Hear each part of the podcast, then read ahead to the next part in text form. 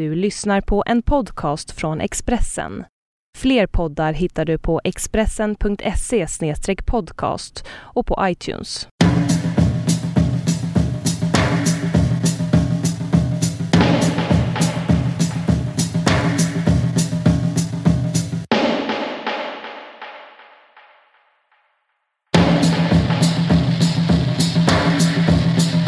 Det här är en Vargsaxen-podd med mig som heter Liv Strömqvist och eh, med Caroline Ringskog Ferradanoli.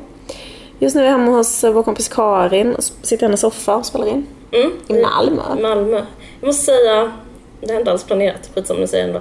Eh, nej, jag kände att jag hatade Malmö när jag kom till, när jag steg av tåget.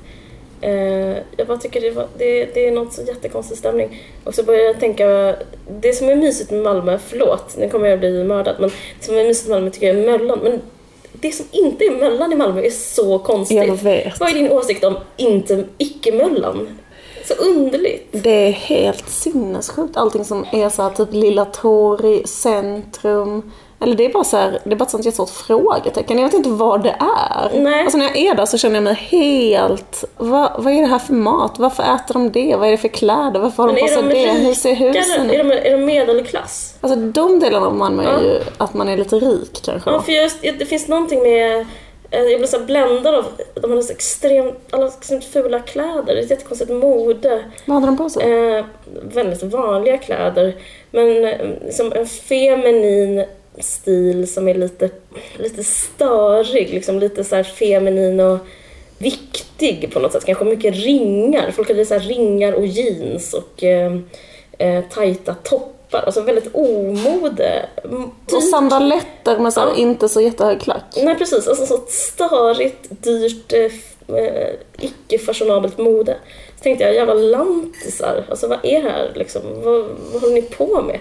Förlåt. Och sen så måste jag säga att jag gillar Möllan väldigt mycket. Vi har precis haft en väldigt underbar dejt där. Det var så underbart. Jag kom till Malmö och då sa Liv så här, känner till den här italienska restaurangen Just Like Mama?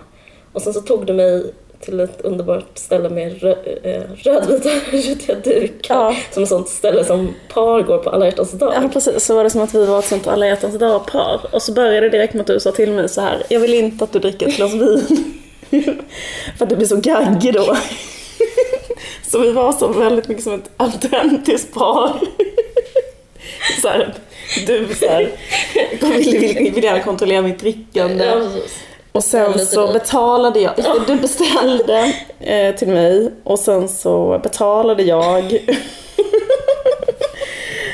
Fast jag att vi hade liksom ändå vi hade liksom trevligare än vad man brukar se. Vi Ja. pratade i alla fall med varandra. Annars är signum inte folk som är ihop. Om man undrar så här, är de här människorna ihop eller är de eh, inte ihop? På dejt. På dejt. Då kan man kolla så här, pratar de med varandra? Ja, då är de inte ihop. Jaha, pratar Det är det de jag menar. så måste man prestera. Då måste man Nej. så här, på dejt så här, jag är sån och jag är sån, min mamma och min pappa, jag vill det, jag vill bo på landet, jag vill inte Ja. bo på landet, Ja. jag vill åka till New York. Allt det där. Eh, Men man behöver inte säga någonting, man är tyst när man är ihop. Ja, visst. Man bara sitter och äter. Mm. Och Exakt. kanske längtar bort, kanske tittar bort. Man är bara tyst och man kanske inte tänker någonting. Nej. Men det är just den här stämningen att gå och fika med någon man har varit ihop med länge. Och så Och bara, bara varför ska man göra det? Man bara sitter så här. Man får sig ett gott stirr. Men varför är det så? Därför att man kan ju, man kan ju, vara, man kan ha vänner eh, som man inte har... Eh, alltså även om man har en vän som man bor ihop med och bla bla bla. Så brukar inte situationen uppstå att man helt slutar prata med varandra. Varför gör man det bara för att man är ihop? Men jag vet inte, men det kanske är en slags indikator på... Alltså kan vara, antingen kan det vara positivt, man skulle kunna säga att man får vara helt avslappnad, man får bara vara sig själv. Så själv så mycket att eh, man liksom är som man är när man är själv och så håller man ju käften när man är ensam. Det är som en sån interiör, en del av inredningen med den som man är ihop med.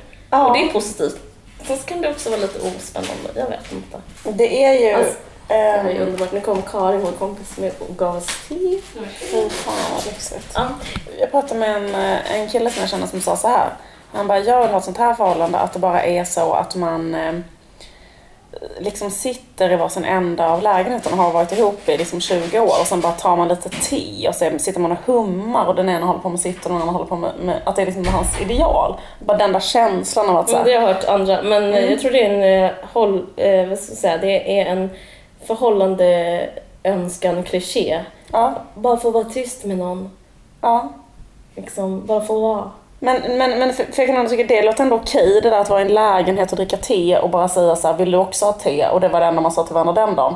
Och så fick man sitta och läsa en bok. Men det är ju inte en dröm att sitta så på en eh, restaurang tillsammans och inte ha ett jävla skit att säga till varandra. Nu, nu ska inte det här bli relationspodden, men i alla fall, jag bara tänker jag måste säga att jag uppskattar ett gott gagg. Alltså jag tycker riktigt, Jag med! jag tycker det är riktigt gött att så här, men alltså i kärleksrelationer också för att eh, mm, det är inte givet att, eh, alltså, att ens partner ska vara typ så här härlig och intressant och smart och rolig. Men alltså vissa, man kan också se det så, man kan vara ihop med någon och liksom få kärlek och trygghet och sex. Typ att det, det gör man med sin pojkvän och sen så har man sitt professionella liv med sina väninnor där man håller på så här, har jätteintressanta samtal.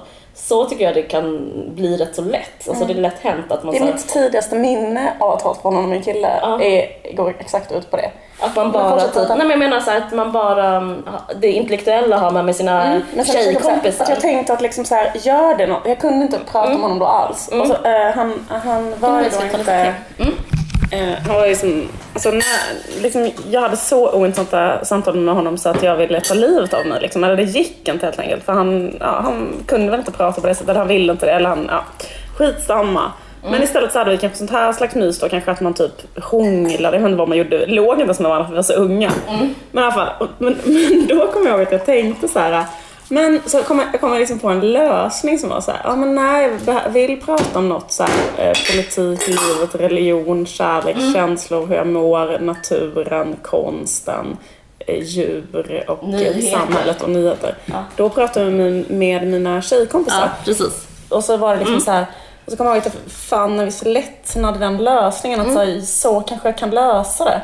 Men jag har också Eh, kommit på den grejen. Men jag, Fast jag vill inte det. Nej, det, det är Jag kul. tycker det är B. Det är faktiskt roligt att prata med typ den, eh, att, att både så här, ligga med någon och eh, prata, ha ett gott gagg. Liksom. Men är det en utopi? Intressant. Undrar om det här ska bli en övergång till vad vi ska... Får jag bara säga en sista gång? En Eller sista... tror du på det? Alltså ärligt i botten av ett hjärta, tror du på det? Jag ska bara säga en positiv sak med att sitta och stirra ensam, äh, sitta och stirra två personer på ett café. Finns, det finns faktiskt en, ett mys eh, som man inte ska underskatta. Och det är typ att istället för att sitta mitt emot varandra sitter man på en uteservering med ryggen mot, så här, ta, eh, mot väggen, husfasaden och så sitter man och glor på andra liksom som en slags lite så fransk stämning. Det är väl inte deppigt? Det gör ju gamla par i Sydeuropa. Ja, den grejen. Den grejen. Då sitter de inte och stirrar och är tysta liksom mitt emot varandra utan de sitter så här bredvid varandra på en bänk och stirrar. Och det verkar trevligare. Jag tycker det är kul. Intressant, bra idé. Jag kommer ihåg en sån eh, dokumentär som gick om Lennart Hellsing Mm. för ett tag sedan. Han är ihop med Yvonne Lombard. Mm. Och de har varit ihop i hundra år. Och då... Var det i Här har du ditt kyl, kylskåp? För det såg jag. Eh, nej, det var liksom en lång dokumentär Okej, om honom okej. som var jävligt härlig, eller det var jävligt bra. Jag gillar Lennart Hellsing så otroligt mycket. Det är liksom en av, de, en av Sveriges bästa författare tycker jag. Men han berättade att han och Yvonne Lombard, de har varit ihop i tusen år och har typ nio barn tillsammans. Mm. Eller något. Hon är nog rätt bevarad. Ja, hon är skitsnygg. Han också. Skojar han är du ni- faktiskt? Ja. 95, men liksom ja, röker cigg varje dag Mm. och är typ ändå såhär, med en kaftan, jättestor våning typ. Mm. Verkar ha ett jävligt gött liv. Men i alla fall, men då berättade de, de lever ganska, så här, lever ganska så här separata liv, lite olika delar av lägenheten och så. Mm. De har ju en jättestor lägenhet då. Eh, Men då varje kväll så kom han in till henne och gav henne, alltså hon sov i ett eget sovrum. Mm. Då gav han henne en fotmassage och ett litet glas Amarone. Eh, Och det var deras kvällstradition. Mm. Och det tycker jag ändå lät ganska... Det är, nog, det, det är kanske min motsvarighet till det här att sitta och dricka te. Mm. Alltså det ändå vara skönt. Du är gifta i hundra år, sen kommer någon in eh, och ger en fotmassage och ett litet glas Amarone. I en typ tiorummare eh, på Östermalm, ja, på. Östermalm med typ tre olika balkonger.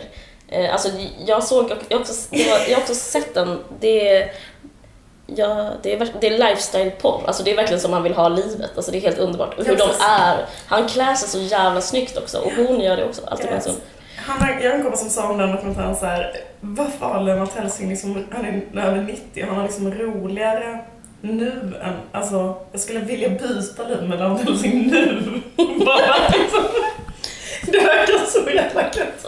Även om är 90 så jag tar de så här tre åren han har kvar. Hellre än liksom vad jag någonsin kommer kunna åstadkomma själv.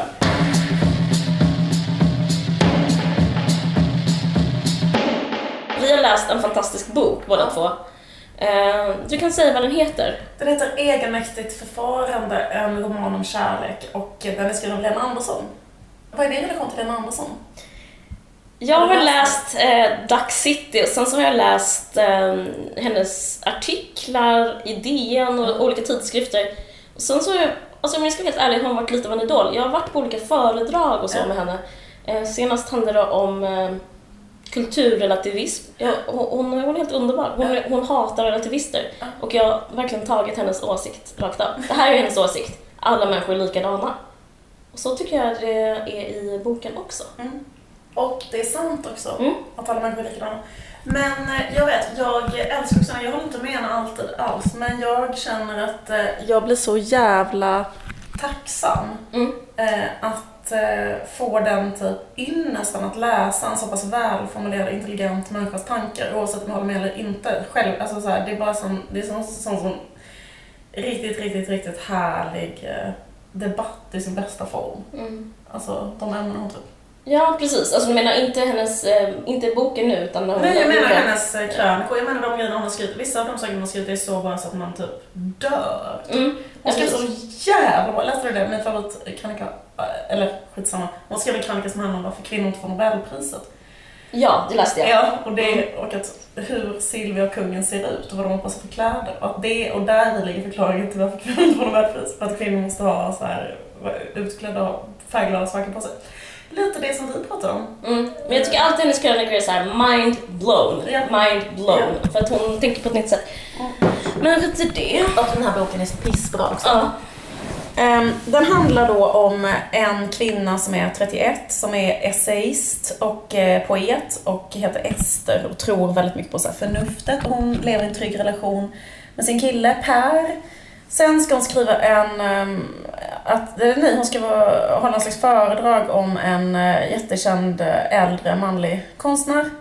Och då, han heter Hugo Rask och under tiden hon skriver det så blir hon jättekär i honom. Sen när hon träffar honom så upplever hon en superstark passion och lämnar sin man, eller sin kille, sambo, för att följa passionen med den här äldre konstnären. Precis. Och sen är det vad som händer. De börjar Svaret, hänga. De börjar hänga. De börjar hänga och ha intellektuella samtal. Mm. Och eh, hon beskriver det här skeendet. Eh, för det finns ingen, vad ska man säga, allvetande berättare. Utan det beskrivs bara hur hon upplever alltihopa. Och hon beskriver eh, att de börjar hänga, att de har väldigt intellektuella samtal som är inte av den här världen. Liksom, och de byter böcker. Lite som att när man blir kär på 90-talet och musik betydde väldigt mycket. Man kunde kommunicera så man gav någon ett blandband. Och, fast de gör det med ja, Camus i första... Liksom, Ja. De håller på att byta Camus, Albert Camus mellan sig. Och sen så eh, blir allting väldigt så här, esoteriskt och förhöjt. Och eh, hon upplever att det här är otroligt starkt. Och det intressanta är att hon förutsätter då att han upplever samma, att det är en objektiv styrka i kärleken. Vilket är en av frågorna som ställs i boken om eh, typ egentligen vad kärlek är. Mm. Men eh, för hon är så, eh, hon upplever den här kärleken och tänker att hon är med om något speciellt och de båda är det. Ja. Hon säger det till dem första gången Ja, de typ ligger med varandra eller andra gången och sånt där, då säger hon så himla fint. Typ så här, det vi är med om nu, det är det största människan är med om i livet. ja, Och det är sant. Alltså, när man är i den situationen så känns det ju så. ja. Men grejen är, det kändes inte så för honom. Nej. Och det fattar inte hon boken igenom. Och det är så himla bra. För det, eh, för så här är hon beskriver hur det är att vara kär. Man kan inte fatta att en person som man känner så för, att det inte är en eh, spegelvänd relation. Ja. Eh, så att eh, de ligger med varandra och hon bara, och sen så han lite såhär, ja, mycket jobb att göra, det är mycket på jobbet. Han har sådana kompisar, han är upphöjd konstnär. Det, alltså, det går för vem som helst. Alltså, det, han, är inte he, han är inte lika intresserad som hon är helt enkelt. Eh, och hon blir mer och mer besatt. Till slut bara tycker han att hon är lite jobbig, typ. hon kanske faller in i en sån här psycho chick eh, genre eller någonting. Det är inte så heller, men hon bara såhär, nej, Jag typ, vet vi, hon faller in i psycho-genren för att hon, eh, hon tar inte ett hon, blir nej riktigt. hon blir jättearg på honom för att det visar sig att han har en annan relation och då konfronterar hon honom med det och är Ja. rasande. Och efter det så tappar han allt intresset liksom. Precis, och då är hon, lider hon i Ja. jättelänge och sen så är hon på det igen och Mm. ja, sen slutar det. Den handlar om någonting som är extremt eh, allmänmänskligt. Det som är, alltså det som slår en när man eh, läser den här boken är ju så hur den här historien är eh, alla människors historia typ. Mm. Alltså att det är så, liksom att det, det handlar om det här att gripas av den slags känslan som är liksom motsatsen till förnuft. Mm. Det är ju att man nästan går in i en slags lindrig psykos nästan när man blir så. Mm. Jag tycker inte så på den typ av kärlek. Det, det här är lite svårt att prata om att inte bli så personlig själv. Men jag kan säga, i och för sig, om vi nu säger det händer alla, och då har det väl hänt kanske oss också. Men det jag tycker är intressant av den erfarenheten, som jag, jag, för det första tyckte jag var så himla smärtsamt att läsa. De bara, åh nej, hjälp, det här har jag också gjort, åh nej, åh nej. Alltså det var så himla så här, det bara så här, hon, hon beskriver alltså, hon beskriver väntan på ett sms. Hon bara, jag ska inte skicka ett sms, jag vet att jag inte får ett, skicka ett sms. Och sen så beskriver hon hur det känns att ändå få göra det. Det är som att man, jag tänker att det är ett självskadebeteende, hur det brukar beskrivas. Eh, sådana borderline-tjejer brukar prata om att det är att man liksom får Eh, man, man, får, får lite så här andrum i sin ångest, man får skära lite och då försvinner ångesten liksom. Men sen så blir det så dubbelt eh, helvete. Men, men hon beskriver liksom själva den här handlingen, skicka ett sms, reliefen och sen bara baksmällan på det direkt när man inte får svar. Alltså det är fruktansvärt bra. Men, men det jag tänkte på som rätt så läskigt med kärlek, eller den typen av kärlek, det är vad du pratar om, det här med verklighet. Att, att allting det här sker i en i egots universum. Ja. Att de här stora känslorna det gör liksom en ännu mer själv. Det gör en ännu mer ensam. Man bara så instängd i en bubbla där allting är liksom så otroligt spänt och starkt. Eh, den andra personen, objektet för man är kär i, han, den slutar nästan finnas. Man är så besatt så att, så att man tappar verkligheten, man tappar personen och bara är i en slags lidande kupa. Alltså hon kan ju ha så samtal med honom där hon märker så här att han inte är... Men det är också en jätteintressant grej som sägs i början som är så här att eh, någon vill att hon ska skriva en artikel om honom och då säger hon så här, för att den här personen märker att hon är kär i honom. Sen så här, men det, är- det är bra om du skriver om honom för att du är kär i honom. Och hon bara, "Jaha, jag trodde inte det var bra att skriva om någon man var kär i för då skulle man, Tappar man tappar omdömet. man eh, liksom sitt kritiska tänkande. Och då, och då var den personen så här, nej. Ehm, man ser alla svagheter. Alltså ju mer man upptäcker av olika svagheter och fel och sådär. Ju mer liksom, alltså att man är förlåtande mot den när man är förälskad. Och börjar älska de svagheterna och felen och så. Är det så? Mm, ja, så är det. Ja. Det tycker jag är jävligt intressant. Ja, och det finns en som en... eh, Jag, jag tycker också, jag vet inte om hon... Antagligen hon är så jävla smart ju, alltså Lena Andersson eh, som intellektuell människa. Och jag, in, om jag inte pratar om den här Ester-boken. Det här med att hon för in personens... eh, Alltså det är en konstnär hon är kär i. Hon för in hans konstnärskap. För att det börjar med att hon, som man gör, man idealiserar och förhöjer den här personen. Han är nästan utan svagheter i början. Men så, så här, ju mer så här, tiden går, desto mer så börjar hon tycka att han är futtig och att han, och hans konstnärskap blir sämre. Liksom som en sån... eh, När hon börjar må lite, lite bättre så kan hon så här, börja kritisera honom som konstnär Ja. och sådär. Men jag tycker det finns en poäng också i att han är konstnär för hon beskriver en människa som får sitt, ut sitt kärleksbehov av en publik och inte en eh, relation. ehm, den, den här grejen med att om man är kändis eller om man är konstnär så får man bekräftelse, man slipper ha en relation typ. Ja, precis. För det är liksom så här, det man, eller jag tror att det handlar eh, om, eller hur han är. Det handlar också, hon benäm, hon använder inte de orden och så, men en sak som är tydlig är att deras relation också eh, sker inom ramen av ett patriarkat, liksom. Att den utspelar sig där och det sätter ju spelreglerna ganska mycket för allting vi gör, liksom. Men i den relationen så blir det väldigt tydligt för han är ju då 55 och en enormt så här, firad och uppburen konstnär som har liksom en stab eller typ ett hov omkring sig hela tiden. Det ser ut som att han typ är aldrig ensam. Och de eh, bara, människorna bara ser upp till honom och eh, slickar hans röv och yngre kvinnor svärmar för honom hela tiden. massa olika assistenter liksom, så man kan verkligen tänka sig hur Ja. de ser ut. Liksom, så underbara. Ja. Eh, ja. Och sen att hon är kanske 20 år yngre än honom eller något, det framgår inte men typ. Och eh, liksom att han har ingenting, han har liksom en position där han inte behöver eller vill upplösa sig i atomer och förenas 100% med en annan människa på lika villkor. Det blir liksom inte ett intressant alternativ för honom Mm. i den positionen han befinner sig i. Det är nästan inte ett möjligt alternativ för honom. Men är det för att han inte har ett behov eller att konstens... Det känns som att han, eh, hon beskriver en människa som har väldigt mycket fans och beundrare. Mm. Är det för att som kändis eller konstnär eller whatever att man får eh, behovet tillfredsställt, liksom, man blir älskad. Mm. Men det är ju en annan typ av kärlek. Mm. Kan, kan man få det behovet tillfredsställt ändå? Alltså på ett sätt så tror jag att alltså, alltså, den bekräftelsen som man kan få i en kärleksrelation eller att någon är förälskad i en. Mm. Det tror jag, som, den kicken man kan få Mm, av det, mm. tror jag på ett sätt är rätt så lik den kicken Mm. som eh, till exempel en konstnär skulle kunna få för att eh, någon skriver om en i tidningen eller någon skickar ett beundrarbrev Mm. eller någon eh, säger att de blivit asberörda av någonting verk man har gjort eller så här, Att det är rätt så, alltså det är väl liksom alltså bekräftelse är, är kanske, men det som, Ja, är, det, som är, det som är en kärleksrelation, alltså att möta en annan människa på det sättet, typ ge upp sig själv. Mm, det är Det, det. det är ju liksom inte eh, Det beundran. jämlika i Ja, det kärleks... jämlika i. Det Ja. försvinner i, Ja.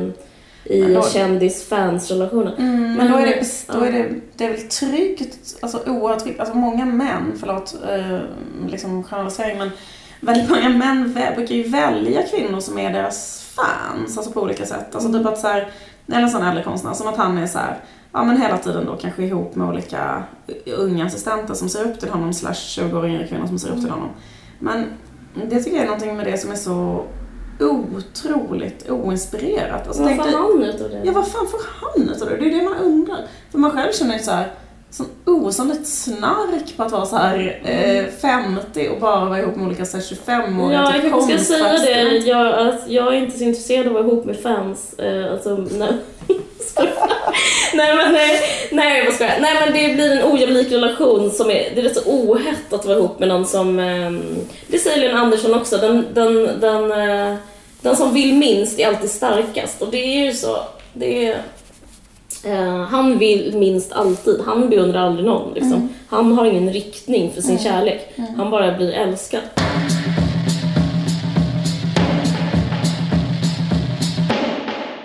Jag säga en sak om en annan bok jag läst? Jag var med i Babel och då, var- det var jättekul. Men Ja. då läste jag Det var jättebra. Tack! Jag hörde någon som snackade om dig också som var så här, vad fan var det? Som sa häromdagen bara, åh Karolina så himla himla bra, typ bla bla bla.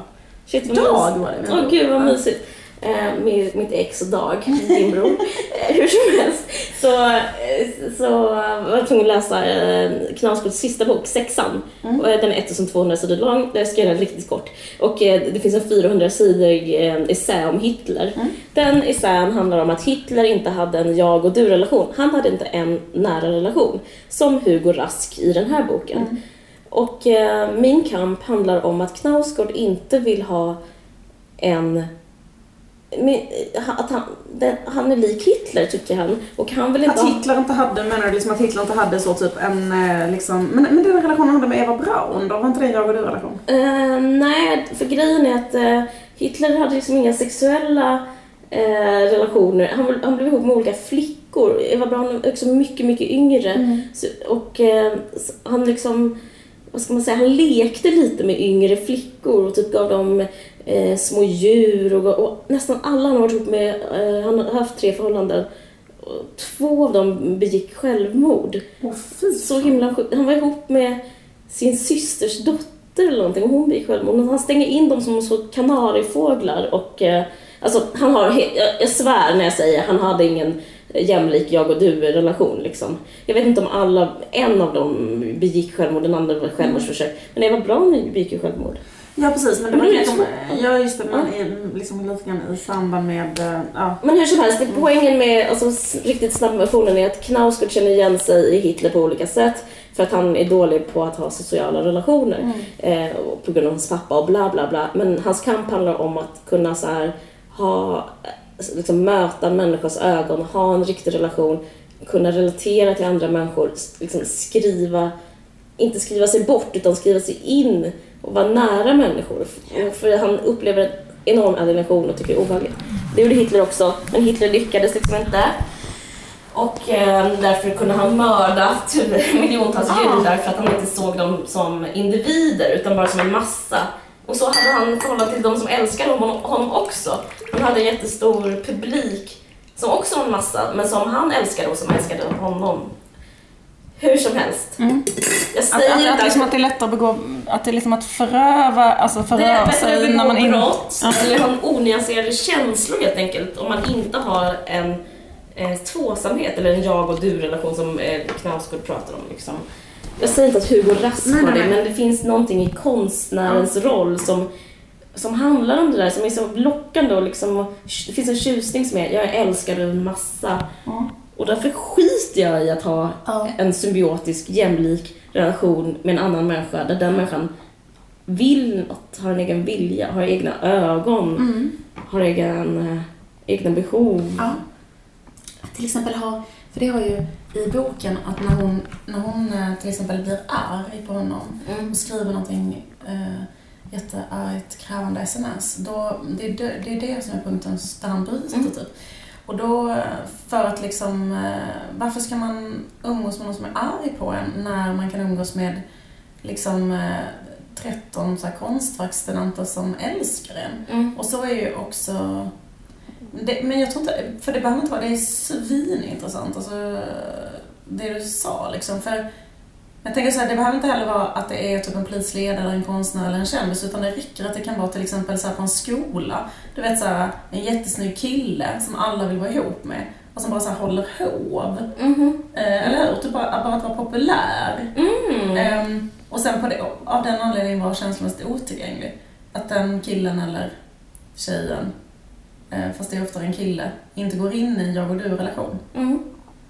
Absolut. För att man vågar, alltså, eller det är så skönt att slippa göra det. Är det det? Man behöver inte sätta någonting på spel. Man är så himla trygg. Men man får sina behov tillfredsställda. Jag tror, jag tror det är det. Fast det man inte gör är att man inte utvecklas och man möter inte smärta. Det man inte gör, det är att eh, utforska känslor. Liksom. Man har inte tillgång till alla människors känslor. Att ha en relation med någon och ge upp sig själv är liksom... Det, det är rätt så häftig grej. Liksom. Ja. Som det, och sen så, jag tänker att man kanske blir sämre konstnär också om man inte håller på så. Mm. Alltså jag, tycker det är, eh, jag tror det är ett missförstånd hos konstnärer. Ja, precis. Men jag tror att många konstnärer kan vara så här. Man tycker att det är så skönt, alltså i och med att man ändå har någonting man håller på med hela tiden som är så fruktansvärt viktigt, som är Mm. liksom ett skapande. Då kan det vara liksom att man ibland kan tycka att det är så här rätt så skönt att bara ha en eh, servande, vårdande karaktär i sitt liv. Mm. Som inte är inblandad i ens konst överhuvudtaget men som typ eh, är där och bara en kropp som ligger bredvid en på natten som man kan hålla på typ och som Mm. sen också så här, skapar hemtrevnad Mm. och eh, men så som tror jag att män har haft sin fru till väldigt mycket. Mm. Alltså innan, alltså också när det var ännu mer ojämställt. Mm. Så skönt att liksom ha en hemmafru. Mm. Alltså så himla himla skönt. Det är Världen ju också, själv. Lena. Andersson är ju en, alltså för sitt, alltså, hon igen, alltså det tycker ju alla. Det är alltid skönt, det tycker du också om en hemma, man eller hemmafru? Nej, nej, jag skulle, alltså typ så här, jag fattar grejen fast Ja. jag tycker att det är för oattraktivt att inte Ah. ha en liksom ett intellektuellt utbyte och jag tänder inte på den grejen att någon är i underläge. Alltså det, är liksom, det blir så jävla oattraktivt för mig. Men Alltså, varför, hur kan en man, hur kan män tända på det? Ingen aning. Men de gör det hela tiden. Alltså typ att en läkare blir ihop med en sjuksköterska. Är det att man tänder mer på Eh. utseende som man? Alltså förlåt för den här, hur den här podden utvecklas. Ja, det tror jag. att det kan vara. Alltså att man, att man Man bara, eh, jag skiter i dina tankar så länge du har 60-30-60 ja, Marilyn Monroes mått. ja. Eh, Och aldrig blir över 27 år. Det är det. Kanske, men sen så ibland så... Det finns ju vissa, alltså, så, vissa män är väldigt så, attraherade av eh, intellekt. Men vet du vad de också vill ha? Att, att, att tjejen också är snygg. Alltså det är rätt så ovanligt att vara attraherad bara av intellekt. Det kan vara så här, mm vad attraktivt intellekt, fast också intellektet sitter på 30-20, eller vad var det? 60-30-60. 60-30-60 kropp. liksom, Jag fattar. inte så här någon som ser ut som En ruggugla. en troll liksom Ja. och är typ så jävla smart. Får ju inte så mycket rätt. Eller? Nej, det är sant. Wouldn't know. Nej, men... Jag eh, frågar dig. Nej, eh, vad skulle jag säga? Men det är också lätt för oss att så här, sitta och säga vad som är en bra relation. Bla bla. Det är extremt svårt att ha en relation. Det är otroligt svårt. Ja, alltså jag, jag hoppas verkligen inte det låter som att jag så här har någon jävla aning. Nej, alltså, jag, Och, och liksom det Ja. att ha så himla höga krav eller så att Ja. också bara för att man, men, men jag tror att... alltså jag som eh, praktiserande konstnär, författare och filmare Jag älskar att du börjar med din mening på det sättet. Fortsätt ni gärna. Jag är författare och filmare för att jag vill vara författare och filmare. Hur som helst, jag i alla fall Ja. tycker det är jättesvårt att förena min konst med att vara ihop. Jag erkänner, jag förstår, jag, känner, jag identifierar mig faktiskt med båda två i den här romanen. Eh, det är jättesvårt att eh, man liksom känner sig nästan, vad ska man säga, protektionistisk om sin egen sfär och sin konst och sina tankar. Och att, att bli ihop med någon utmanar den lilla, sitt eget lilla universum. Så att man vill kanske inte ge upp sig själv. Man vill liksom, det är som man har en massa plantor. Säg att, nu är metaforen att konsten eller böckerna eller vad det nu är, är plantor. Så måste man gå och vattna dem och så vet inte någon annan hur man vattnar dem. Och så, så måste man vara med dem och så måste man tänka på dem. Och då liksom går det inte att eh, vara ihop med någon samtidigt. Alltså jag, jag, tycker, jag känner igen mig i det. Jag tycker det är svårt. Liksom. Jag tänker på typ andra människor som... Jag tänker på Sigge och Alex som pratar väldigt mycket om sina fruar i sin podd. Mm. Det enda jag tänker är så här, hur fan klarar de att vara ihop med dem? De, de äh, samtidigt så här håller på och skriver och hur kan man kombinera det? Jag fattar ingenting. Typ. Det är typ, en, det är typ min enda tanke när jag lyssnar på... För de har så här fungerande parförhållanden samtidigt som de är så här författare och kreatörer. Liksom. Men tror du att deras konst hade blivit bättre om de gjort slut? I det ena fallet, ska jag bara, så tror jag inte att det finns så mycket hopp. I det andra fallet kanske.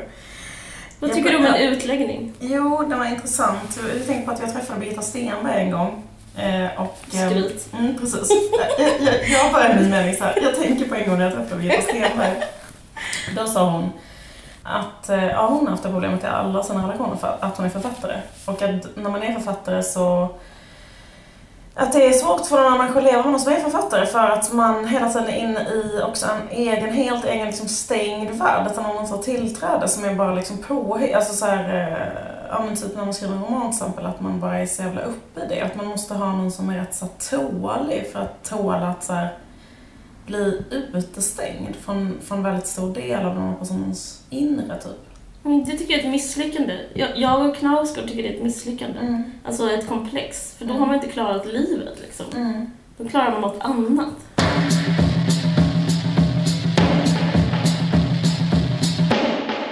Men jag läser Lars Noréns dagbok nu. Mm. Vi ska inte alls prata mycket om. Vi Du älskar gubbar på ett sätt som är fucking sjukt. Det enda du pratar om mig om det är såhär Noréns geni eh, och liksom Knausgårds geni. Och nu tog du också upp Sigge och Alex författarskap. Jag kände liksom den nådde så jävla botten. Och det Men jag känner att jag har råd att göra det. Eh, ja precis, du gör det utifrån en position som är så här. Jag, jag är medveten och jag väljer att älska dem. Ja, precis. Ehm, förlåt. För, alltså, Nej det gör ingenting. Eh. Det är gulligt av dig på något sätt. eh, men, jag, men jag känner mig inte alls hotad av honom. Jag identifierar mig väldigt mycket med Norén. Jag känner mig som Norén. Jag känner Ja. att han skriver, jag får honom så skriver han om mig. Eh, men grejen är att han är ihop med A. Annika Hallin heter hon, jag har googlat. Hon, och i alla fall, hon, eh, de är gifta men de bor inte ihop. Mm. Eh, och han pallar aldrig träffa henne. Nej. Eh, jag bara tycker det är intressant. Det är också ett liv. Det är lite Han okonventionellt. kommer inte ens in med en kopp Amarone. Nej. Men det som jag säger då, förlåt, Men när de snackar- alltså, de har ju ett barn ihop, det är det som jag gör som min lilla invändning här mot. Alice.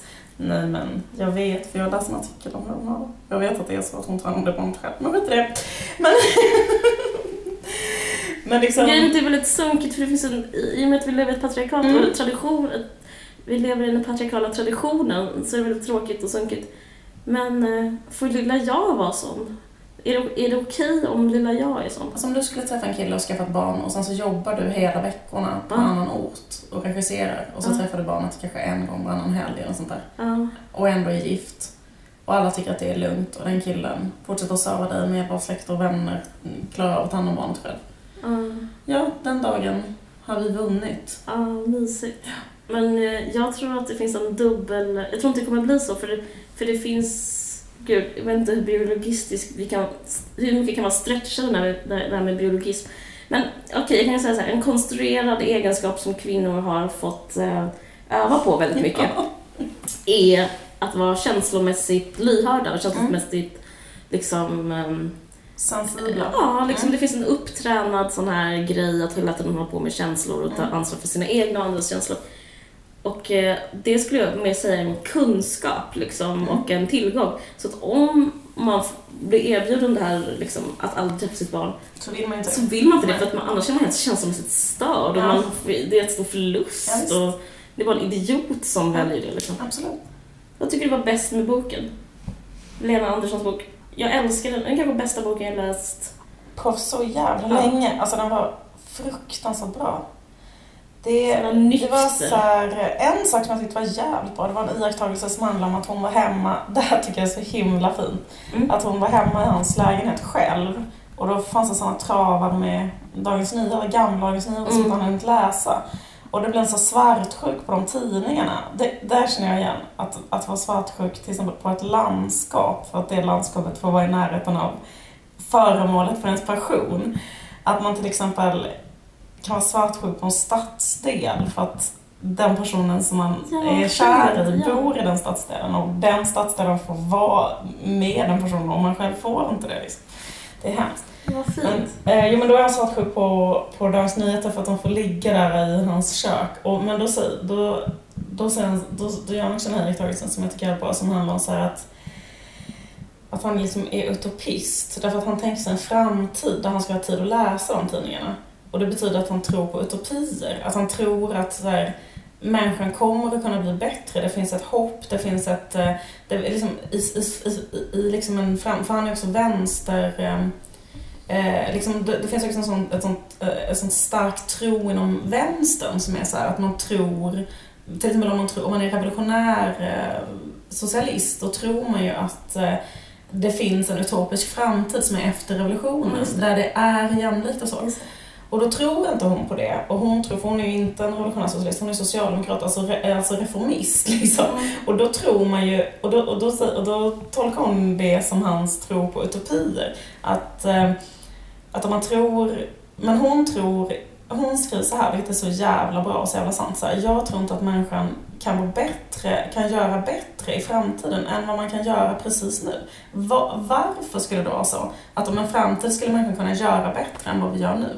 Liksom att så här, hon kan inte spara det för hon tror inte att liksom, hon tror att här och nu är det eh, liksom kan vi göra, kan vi göra det? Mm. Men vi kan inte göra det i framtiden.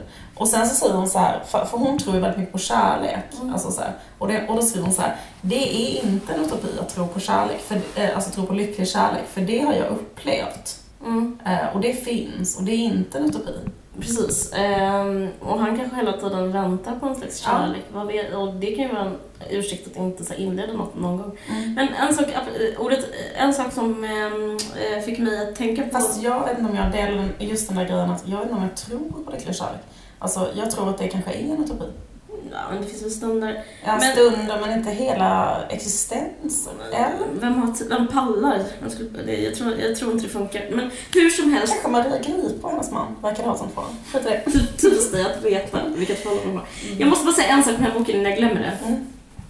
En sak som är det bästa med den här boken, som Mm. inte skildrat i världslitteraturen förr eh, på samma sätt, är mekanismen som sker hos människan. Hoppet, alltså det sättet som hon beskriver hoppet på. Hon Mm. beskriver på ett nytt sätt, tycker jag, eh, i kärleks... Hoppet är en parasit som lever på människokroppen, Ja, skriver hon. säg det igen. Hoppet är en parasit som lever på människokroppen. Ja, men hur, och det är gestaltat på det viset att hon, allt han säger, hennes objekt för hennes kärlek, det kan vara liksom att han säger så här, ja men vi hörs. Eller ehm, tyckte du om den, eller jag har köpt en bok till dig, eller så här, jag har, ehm, just det, jag minns att du sa någonting. Olika situationer som eh, egentligen bara betyder just vad de betyder. Allt han säger tolkar hon som små bevis på kärlek. Mm. Och på det sättet, det här universumet som jag pratade om i början, Mm. hur det liksom eh, frodas och gö- gödslas. Alltså det, det är också hans egna tankar. Alltså hon beskriver det där enormt des- destruktiva att tolka människors handlingar och eh, sägningar. Det gör man ju när man är kär. Mm. Och det kan, man, det kan driva en liksom hur långt som helst. Mm. Kan, man kan liksom stå förnedrad i någons trappuppgång och liksom och en knackar på fast någon har sagt nej, jag vill inte att du kommer. Mm. För att man tyckte så att det var en fin, ah, han menar ju ja, för att annars hade han ju sagt nej på ett annat sätt. Eller han var för sån liksom... Eh, Eller så det finns hopp, typ. Det finns alltså, hopp man och- hänger fast vid någonting. Alltså, och han här- älskar mig egentligen och man tolkar liksom in det ena och det andra. Liksom, att någon... Eh, eh, liksom, jag, jag har själv varit med om det, typ att man säger ja, men, han skulle inte ringa mig en lördag eller den tiden på dygnet för det gör man ju bara med människor man är kär i. Fast det kanske stått så här eh, nej tack, jag vill inte. Liksom. Jag vet inte, du vet att, att man är så himla anti... Att man, varför blir man så? Det är ju så himla vanligt, den här grejen att man bara inte fattar what's going on. Liksom. Nej, precis. It's not that into you. Liksom. Ja, exakt. Men jag känner också igen det när folk har varit så här eh, en annans, alltså grejen är att när man blir så passionerat förälskad, det hon beskriver, det tillståndet, det är ju så här, det liknar ju också en, jag tror också det är typ så, eh, om man mäter så här, ke- kemin i hjärnan, så Mm. att det liknar typ en lätt psykos. Mm. Och, det, och liksom, i, i en psykos så eh, ingår det också så här en förvrängd verklighetsuppfattning. Alltså att man typ tänker sig så här, till exempel det du beskriver, Mm. att, eller att hon hänger sig fast vid att han säger till exempel en gång, någon gång ska jag visa dig Leksand, säger han. Och då hänger hon sig fast vid det så här på ett sätt som är sinnessjukt. Därför att han, allting annat han säger är så här, jag är helt ointresserad av dig. Och sen i något konstigt moment så bara råkar han säga det. Någon gång ska jag visa dig Mm. Leksand. Vilket är så extremt kul tycker jag. Mm. Och då bara, eh, jo men han sa ju ändå någon gång ska jag visa dig Leksand. Det spelar ingen roll att han har sagt det 40 gånger, typ säger jag är helt ointresserad, han ligger med massa andra, han är liksom helt eh, okontaktbar. Och sen är det så här, jo men han har sagt det här. Mm. Alltså Eh, så ska jag måste- fortsätta träffa honom. Alltså ska jag fortsätta så här, alltså går jag hem till honom nu liksom. Mm. Men vad är det hos en som inte... Varför fattar man inte det? Jo men det tänker jag har att göra med den grejen att när man är inne i en sån rush, att man är liksom... Men sen, alltså förlåt om jag blir lite... Jag, ska säga, jag tror det är för att man inte klarar av den smärtan. Mm, det tror jag också. Den är för stark. Det är för, det är för jobbigt att fatta verkligheten. Verkligheten är för skadlig. Alltså det är liksom en försvarsmekanism att så här, eh, hitta på, alltså drömvärlden. Liksom. Mm. Men en sak, alltså Ja. jag tänker så här, det här jaget Ja. i um, Ester i boken är också väldigt, är också en ganska så här... ehm, jag stark person. Mm. Och det kan jag tänka lite grann, äh, ligger han i fatet? Alltså, eller vad fan nu heter. Jag har aldrig använt uttrycket innan i mitt liv. Men liksom, jag kan inte använda det rätt. Eh, det, det är liksom så här för att det man måste, alltså, det hon inte gör alls, det är, hon vibbar ju inte in på honom alls. Alltså hon, eh, hon, hon gör ju inte direkt ett rollövertagande och känner hur han känner sig eller upplever situationen. Utan hon utgår bara från så här, hur, hur känner jag? Jag känner så här. Han känner inte så. Det är ett brott mot, min, mot mig att han inte känner så. Eller så. Mm. Eh, Så hon är inte särskilt sensibel egentligen för hur han uppfattar saker och sådär. Nej, precis. Men det är det jag menar. Jag tycker, jag Eh, tycker Och det, och det tror jag ändå man som- kan vara i olika grad. För jag känner ändå till exempel att så här, eh, Alltså hon tror ju så himla mycket på så här, den här alltså, romantiska kärleken, det ska vara på ett visst sätt och man ska i varandra till 100% och så. Mm. Så hon är ju bara helt ärlig hela tiden och gamear inte honom alls. Hon spelar väldigt dåligt alltså. Om, man Mm. säga, om, om jag skulle ge henne råd så skulle jag vara så här. Nej för helvete, alltså vill du verkligen bli ihop med honom då kan du inte bete dig på det här sättet överhuvudtaget. Alltså tyvärr, så är det ju så. Mm. Jag vet, Liksom. men på det sättet, det får mig att tänka att hon egentligen skiter i honom. Det är det jag menar, Ja. att han som objekt är ointressant. Det Mm. handlar om hennes enorma starka känslor Mm. i den där kapseln hon befinner sig i. Mm. Och eh, hon vet kanske att de aldrig kommer bli ihop, men hon, Ja. är, hon är inne hon är med om en sån ride, Ja. liksom. Att hon bara är på en sån tripp. Ja. Och den är jätteegocentrisk. Du, jag måste säga en sak. Eh, Det här med kärlek. eh, Jag läste i Vetenskapens Värld att det är samma eh, när man har tvångstankar. Mm. Så tvångssyndrom. Ja. Att det är liksom samma stämning i hjärnan typ när man blir förälskad. Ja. Det, det tycker jag makes sense. Alltså så här... Eh, typ Alltså besatthets... Mm. Att man måste... Alltså liksom, Mm. att man, det finns någonting i man tror att man måste göra någonting. Jag Ja. måste göra det. Jag måste skicka ett sms. Tack för att ni har lyssnat. Ni har lyssnat på Varje söker sin podd. Eh, jag glömmer alltid, kan inte säga, jag glömmer faktiskt alltid vad man ska säga. Eh, Ni har lyssnat på En varje sin podd, det är ett samarbete med Expressen Kultur och eh, musiken i början gjordes av Carl-Johan Lundgren från Vitpäls. Du har lyssnat på en podcast från Expressen. Ansvarig utgivare är Thomas Mattsson. Fler poddar hittar du på expressen.se podcast och på iTunes.